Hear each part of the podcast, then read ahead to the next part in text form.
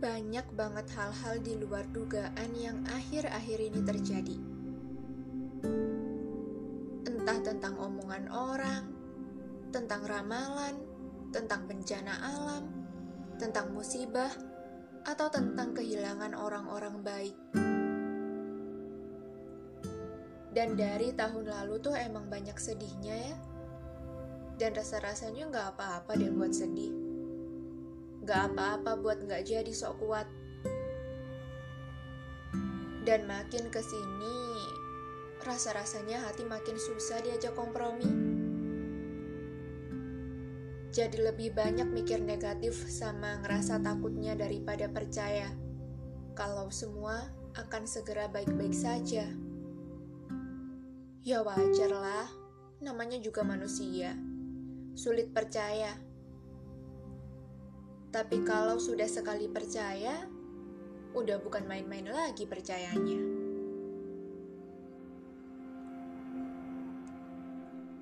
Makin ke sini, otak makin dibuat rumit sama komentar orang-orang. Pikiran dibuat khawatir sendiri. Ya karena akhir-akhir ini tuh semuanya jadi serba aneh gitu. Mulai dari cara berpakaian, bentuk tubuh, rencana masa depan, sampai selera makan pun dikomentarin sama orang-orang. Dan gak jarang, komentar yang kita dengar adalah komentar yang tidak menyenangkan. Tapi kalau dipikir-pikir lagi ya, makin ke sini tuh jadi makin males.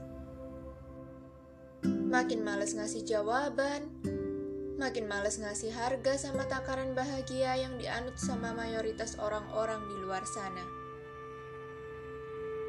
Dan semua itu bukan tanpa alasan sih. Kadang semua hal itu ada karenanya. Karenanya adalah ngebuat mereka ngerti adalah hal yang percuma. Karena ngebuat mereka ngerti adalah hal yang terlalu membuang-buang waktu.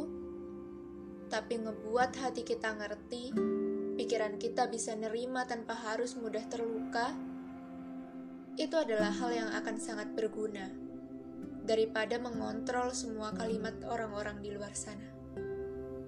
Ya karena makin ke sini makin males ribet.